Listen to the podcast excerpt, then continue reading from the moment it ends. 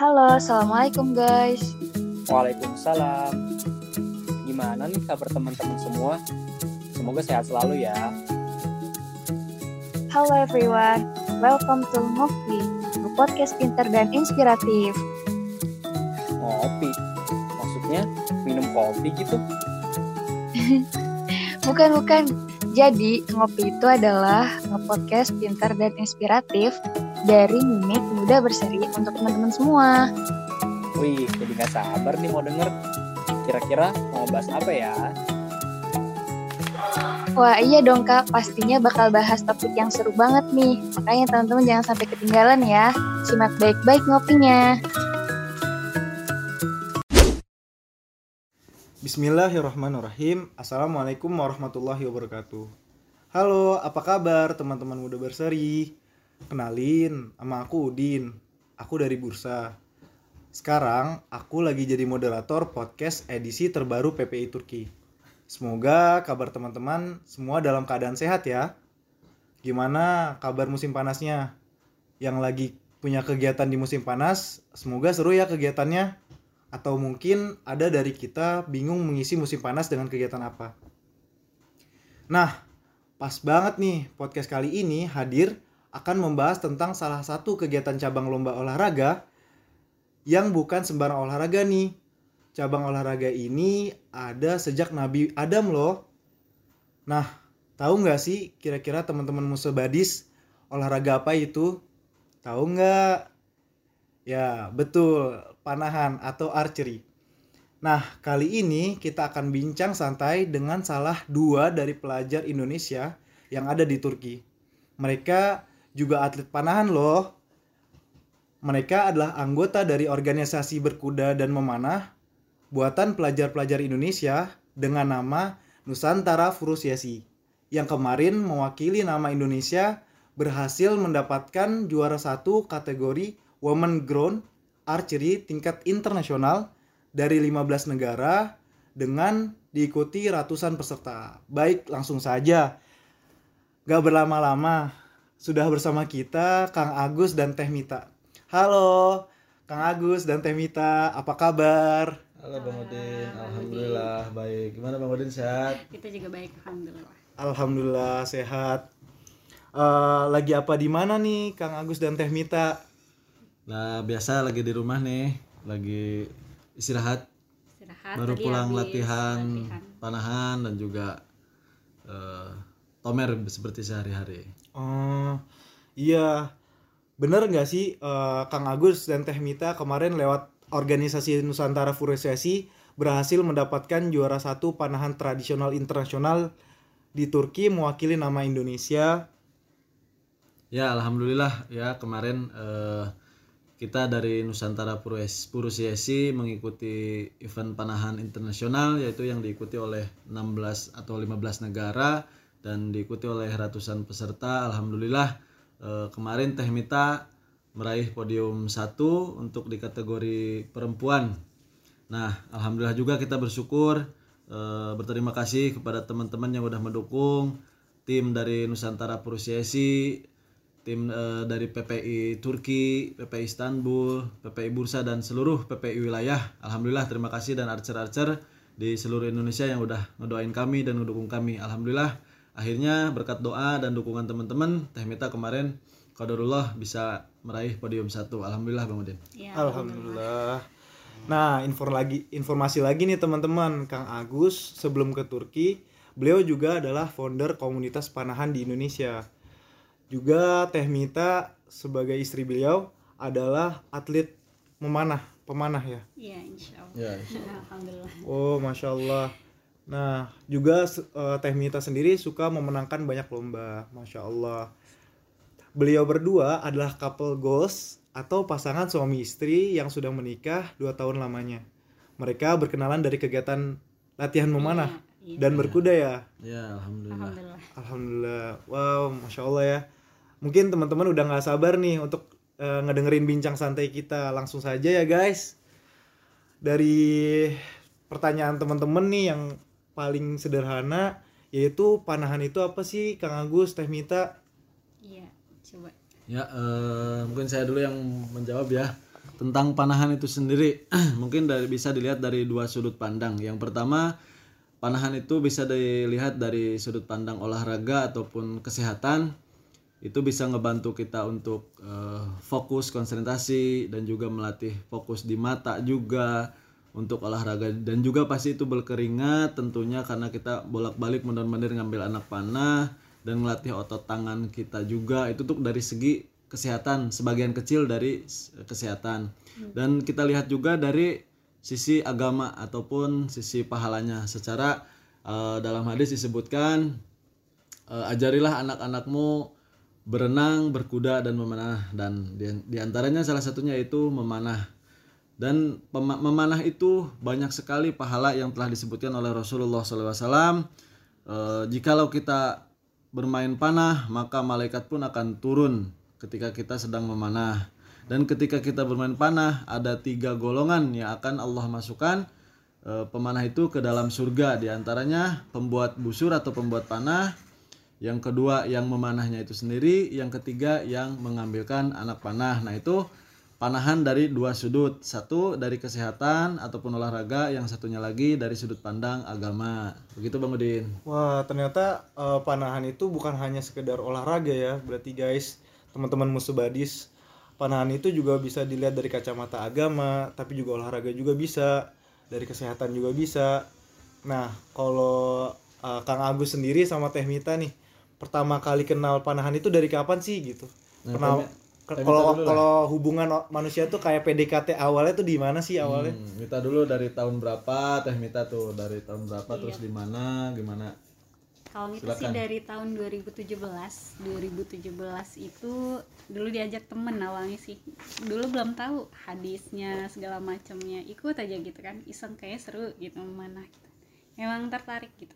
Pas datang dikasih tahu sama kakak pelatihnya. Wah seru. Eh, ini banyak hadisnya loh bla bla bla kayak gitu kan. Jadi di situlah tahu ternyata memanah berkuda itu memanah lah waktu itu ya. Memanah itu ternyata ada pahalanya malaikat turun nah di situ dari 2017 itu akhirnya eh, intensif di 2018 sampai 2018 2019 dan selanjutnya akhirnya ikut event sampai sekarang jadi pertama kali ikut event itu di akhir tahun 2017 baru tiga kali belajar memanah kalau nggak salah ada event ditawarin langsung ikutan event Oh. lomba Ha. Berarti eh, baru kenalan terus langsung event-event makanya tambah suka Tambah gitu ya. gitu. Kalau Kang Agus sendiri, Kang Agus kan juga founder dari komunitas panahan di Indonesia nih. Sampai suka dan menga- bahkan mengajarkan ke orang-orang itu apa sih motivasi awalnya gitu? Gimana motivasi awal? Ya, awal-awal saya eh, dari sekitaran tahun 2016 akhir atau 2017 awal mengenal panahan itu sendiri. Pertamanya saya main ke tempat wisata. Nah, di tempat wisata itu sendiri ada panahan. Nah, eh, saya coba-coba dulu awal-awalnya coba-coba dan ternyata itu asik dan kayak bikin kita ketagihan gitu kan. Nah setelah itu pulang ke rumah dan akhirnya eh, karena saya dulu tinggal di Garut adalah eh, salah satu komunitas panahan menemukan eh, lapangan lah ibaratnya. Saya ikut join dan ikut gabung.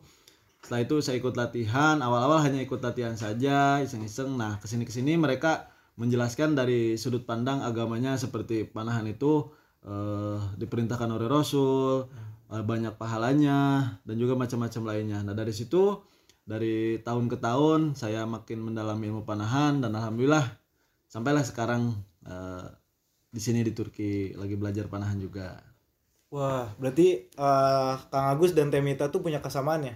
Jadi pertamanya iseng-iseng dulu ya. Iya, Awalnya sih coba-coba gitu ya. coba penasaran Iya, awalnya coba-coba.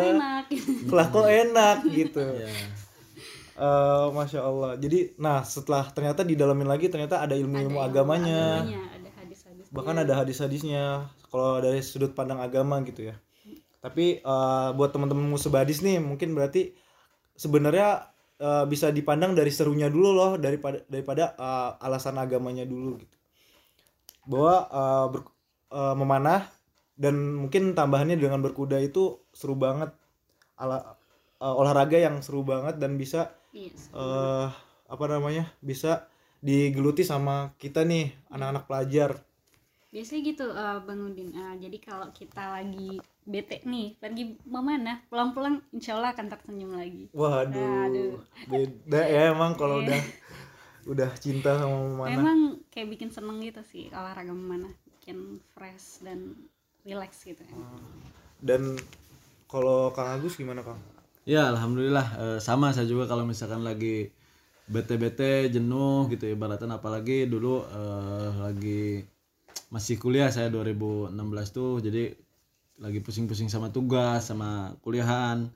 Dan main eh, main panah akhirnya ya terobati lah dari yang tadinya bete nggak terlalu bete relax ya santai ketemu teman-teman panahan ngobrol-ngobrol di panahan sambil ngesut panahan juga. Ya Seperti itu, belum Bang Udin. berpahalanya ya, Ya, terasa belum malaikat turun ketika kita mau mana Nah, gitu itu. kayak damai gitu tenang tenang gitu. Nah, kalau ngedengar dari eh, cerita Kang Agus sama Temita kan eh apa namanya? Kayaknya udah mulai eh, kuliah, udah mulai dewasa lah mengenal panahan itu. Tapi kalau misalkan dari Kang Agus dan Temita batasan umur perkenalan di panahan itu awalnya dari apa sih? Maksudnya kayak langkah awal nih teman-teman musuh badis misalkan udah tertarik nih, tapi apakah masih kecil boleh mana atau eh, dewasa paling dewasanya paling tuanya tuh umur berapa yang udah pernah ditemuin gitu Ya selama ini sih saya eh, karena alhamdulillah ya di Indonesia juga eh, dari 2019 mungkin saya mulai ngelatih anak-anak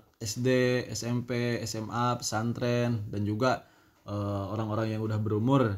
Jadi kalau menurut saya sih nggak ada terlalu batasan yang emang harus mulai sekian, tapi ya emang dibatasi umur karena eh, ini kan termasuk agak berbahaya juga kalau tidak diawasi sama orang tua ataupun pelatih. Jadi disaranin tuh untuk kelas 4 SD atau kelas 5 SD dan itu pun harus didampingi oleh pelatih dan juga orang tua supaya tidak berbahaya karena ini alat panahan yang merupakan salah satu yang agak berbahaya kalau tidak diawasi. Jadi kita menyarankan untuk di eh, kelas 5 ataupun kelas 4 SD dan itu pun harus diawasi oleh pelatih. Makanya kita kalau mau pemula-pemula gabung tuh jangan eh, langsung main panahan tapi masuk klubnya dulu. Jadi ada pelatihnya, ada yang ngembimbingnya seperti itu Bang Udin. hmm. Berarti ada batasan umur ya maksudnya buat ngejaga ya karena buat ngejaga keselamatan gitu itu. Ada batasan umur dari segi keselamatan gitu kan untuk es tapi untuk eh, usia tuanya itu nggak ada batasan selama eh, orang itu mampu menarik atau masih kuat tenaganya untuk menarik busur seperti itu bang Udin. Walaupun memang mungkin nggak bakal seoptimal anak muda ya, Ya. jadi kan misalnya dia mau, baru mulai usia 50, 50 gitu ya, tapi saya sempat menemui usia di 60 juga dia beliau karena masih kuat narik jadi eh, masih bisa ikut olahraga panahan juga gitu kan. Oh iya dan juga kekuatan busur bisa disesuaikan kan Bang? Ya, jadi misal dia kuatnya narik yang berapa nanti bisa dicek sama pelatihnya oh ini kuatnya berapa. Jadi nggak masalah batasan umur ada spesifikasinya ya panahannya Iya. itu ya? gitu. Ada daya yang di- ditarik itu ada yang lebih berat ada yang ringan kayak gitu. Nanti bisa disesuaikan dengan kemampuan masing-masing gitu.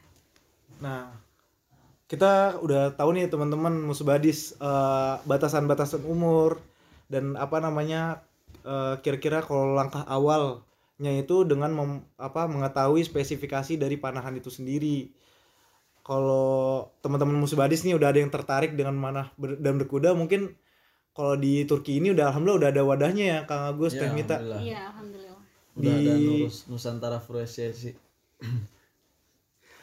Eh, alhamdulillah sudah ada gitu. Itu juga atas dari eh, antusiasme mahasiswa Turki sendiri yang buat organisasi itu sehingga anak-anak bisa terfasilitasi ya. alhamdulillah Alhamdulillah bisa membawa nama Indonesia juga kemarin Iya, alhamdulillah. kemarin kita ada 10 orang mewakili uh, Indonesia melalui nama Nusantara Association 10 orang Kak, 10 10 orang orang. atlet ya, Masya Allah.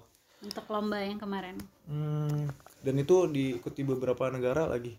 ya iya Oke, eh mungkin eh, ada nggak sih Kak Mita atau eh, Kang Agus harapan nih dan pesan untuk teman-teman musuh badis di luar sana yang belum pernah menyentuh panahan sama sekali. Padahal eh, kita tahu ya eh, ilmu panahan di Turki ini adalah pusat dari eh, ilmu-ilmu yang ada di dunia gitu. Jadi Turki adalah kiblatnya sayang banget kan kalau misalkan pelajar-pelajar yang ada di Turki itu sama sekali nggak ngambil ilmunya bahasanya gitu. Dan juga eh, apalagi juga tadi kacamata dari kacamata agama ternyata eh, eh, fadilahnya atau keutamannya tuh banyak banget. Mungkin ada pesan dari Kang Agus dan Teh Mita sebagai eh, guru sebagai guru dari panahan dan sebagai kacamata dari kacamata atlet panahan. Mungkin kalau dari saya untuk saran teman-teman eh, pelajar yang ada di Turki, yang pertama dari sudut pandang yang pertama yaitu bahwa panahan itu sangatlah asik dan juga keren gitu kan. Eh, seorang pemanah gitu kan terus bisa menghilangkan jenuh, kebetean gitu kan. Nah, terus eh, di samping itu memanah itu bisa mengasah juga konsentrasi yang tadinya orang-orang kan ada juga yang misalkan saya suka nggak konsen nih kalau ngelakuin sesuatu hal. Nah, insya Allah dengan panahan ini, dengan wasilahnya panahan ini bisa membantu fokus dan konsentrasi juga untuk kita baik itu dalam belajar, baik itu dalam menghafal ataupun kerjaan segala macam itu dari satu sisi. Nah, di sisi lain pun eh, di sisi agamanya bahwa panahan itu jelas itu sangat besar pahalanya baik yang memanahnya baik yang membuat busurnya baik yang mengambilkan anak panahnya. Nah dari situ jelas kan ada hadisnya bahwa ada tiga orang yang akan masuk ke surga melalui perantara panahan. Yang pertama yang membuat panah yang kedua yang memainkan panah yang ketiga yang mengambilkan anak panah. Nah itu jelas dari segi agamanya jelas pahalanya eh, ada ibaratan dari segi kesehatannya banyak. Nah itu eh, sangat disayangkan untuk pelajar-pelajar yang ada di Turki khususnya karena eh, menurut kacamata kita tuh bahwa Turki itu pusatnya ilmu memanah dan berkuda apalagi di eh, panahan. Nah kita jadi saya pun datang ke sini eh, dengan niat tujuan yaitu belajar sama sama istri saya minta datang ke Turki itu niat tujuan utama tuh yaitu belajar memanah dan berkuda. Karena di Turki seperti yang udah kita pada ketahui di antara para eh, archer semuanya eh, bahwa Turki itu salah satu center atau pusatnya panahan dan berkuda karena eh, banyak sekali guru-guru besar di sini yang udah lebih faham dan udah mendalami tentang ilmu panahan dan ilmu berkuda. Dan alhamdulillah eh, wasilahnya kita datang ke Turki dan alhamdulillah kemarin minta ikut eh, event panahan dan alhamdulillah bisa mewakili Indonesia dengan wasilahnya teman-teman tim dari Nusantara Fursiasi eh, untuk dari saya mungkin sekian eh, untuk pesan kepada para pelajar yang ada di Turki mungkin dari ada Teh Mita Ya, dari Mita mungkin pesan untuk para pelajar perempuan ya berarti ke muslimahnya khususnya gitu. Kita kan ini perempuan yang nanti akan menjadi misalnya teman-teman yang lagi pelajar nanti akan menjadi seorang ibu gitu. Akan memiliki putra-putri. Nanti eh, kalau kita bisa mahir memanah gitu apalagi kita belajar di pusatnya di sini paling ilmu pa- panah tuh paling center lah gitu. Nanti kan anak-anaknya juga akan semangat untuk belajar gitu ngelihat ibunya wah ibu saya tuh pemanah. Nggak ada orang yang nggak keren dengan foto memanah aja tuh orang udah nganggap keren banget gitu. Terus eh, kayak gitu sih kalau menurut kita mumpung teman-teman ada di sini ada di Turki gitu eh, alangkah baiknya kita manfaatin gitu kesempatan ini. Sementara kita aja nih datang dari Indonesia jauh-jauh ya untuk iya. belajar kayak ginian kita. Dan alhamdulillah teman-teman ada di sini ada wadahnya juga sekarang Nusantara Fursiasi bisa gabung kayak gitu. Insya Allah akan eh, oke gitu hasilnya gitu. Kita Hmm. akan belajar bareng-bareng insya Allah di sini gitu. Ya sekali, lagi satu lagi pesan untuk teman-teman eh, pelajar yang ada di Turki, mumpung teman-teman dikasih kesempatan eh, berada di Turki karena banyak sekali ratusan pemanah di Indonesia yang pengen sekali ke Turki, pengen belajar panahan di Turki, pengen belajar berkuda di Turki dan mungkin qadarullah Allah belum ngasih kesempatan dan inilah kesempatan teman-teman yang mumpung lagi ada di Turki, Turki lagi belajar dimanfaatin lah untuk belajar panahan, berkuda. Salah satu ikuti wadahnya yaitu Eh, udah ada kan dibuat sama teman-teman pelajar juga di Turki yaitu Nusantara Fursiasi teman-teman bisa gabung untuk latihan panahan latihan berkuda. Insya Allah mengikuti lomba ke depannya. Insya Allah eh, semoga Allah mudahkan untuk teman-teman bisa mengikuti olahraga ini. Oh jadi eh, alhamdulillah nih eh, tadi udah disampaikan ya harapan dan pesan buat teman-teman bahwa eh, banyak banget fadilahnya, banyak juga ke, ke- apa namanya dari sisi kesehatannya juga. Dan tadi juga sempat disa- disampaikan ada eh, wadah juga nih dari eh, para atlet dan yaitu dari komunitas berkuda dan memanah Nusantara Frustasi yang ada di Turki. Eh juga eh tapi sebelum ditutup aku pengen nanya sih tadi kayaknya kelupaan tentang sanat. Sebenarnya eh, itu menarik juga tuh kan sanat memanah itu ada kayak kan yang Kang ya Ada, ada. Sanad Nah. sanad panahan dan alhamdulillah kayak Quran berarti Kang ya kayak ya Quran. ada sanadnya seperti eh, di Indonesia alhamdulillah kita mempunyai guru besar yaitu yang udah bersanad eh, Habib Kori Habib Kori yang ada di Jawa Timur Eh, beliau udah bersanad dan alhamdulillah saya salah satu murid dari eh, Habib Kori yaitu dari pewaris generasi ke-6 dan keilmuan tuh se- baik dari ilmu apa pun harus jelas sanadnya karena kalau kita tidak bersanad berarti keilmuan itu bersumber kepada setan. Nah, kalau ini kan sanadnya jelas, keilmuannya jelas bersumber kepada eh, para sahabat dan juga eh, kepada habaib juga gitu kan. Dan alhamdulillah saya berguru kepada Habib Gori dan Habib Gori nyampai sanadnya ke atas gitu ibaratnya. Jadi keilmuannya jelas untuk sanad di ilmu panahan. Nah, teman-teman pun disaranin kalau mau berguru yaitu berguru sama guru-guru yang emang udah memiliki sanad yaitu sanadnya jelas keilmuannya seperti itu. Hmm, berarti eh, penting juga ya Kang. Maksudnya tadi kita sempat kelupaan tuh tentang sanat eh, memanah. Eh, bahwa belajar itu bukan hanya belajar motivasi itu bukan hanya motivasi tapi juga harus ada sanatnya atau ini jelas dari mana sumbernya.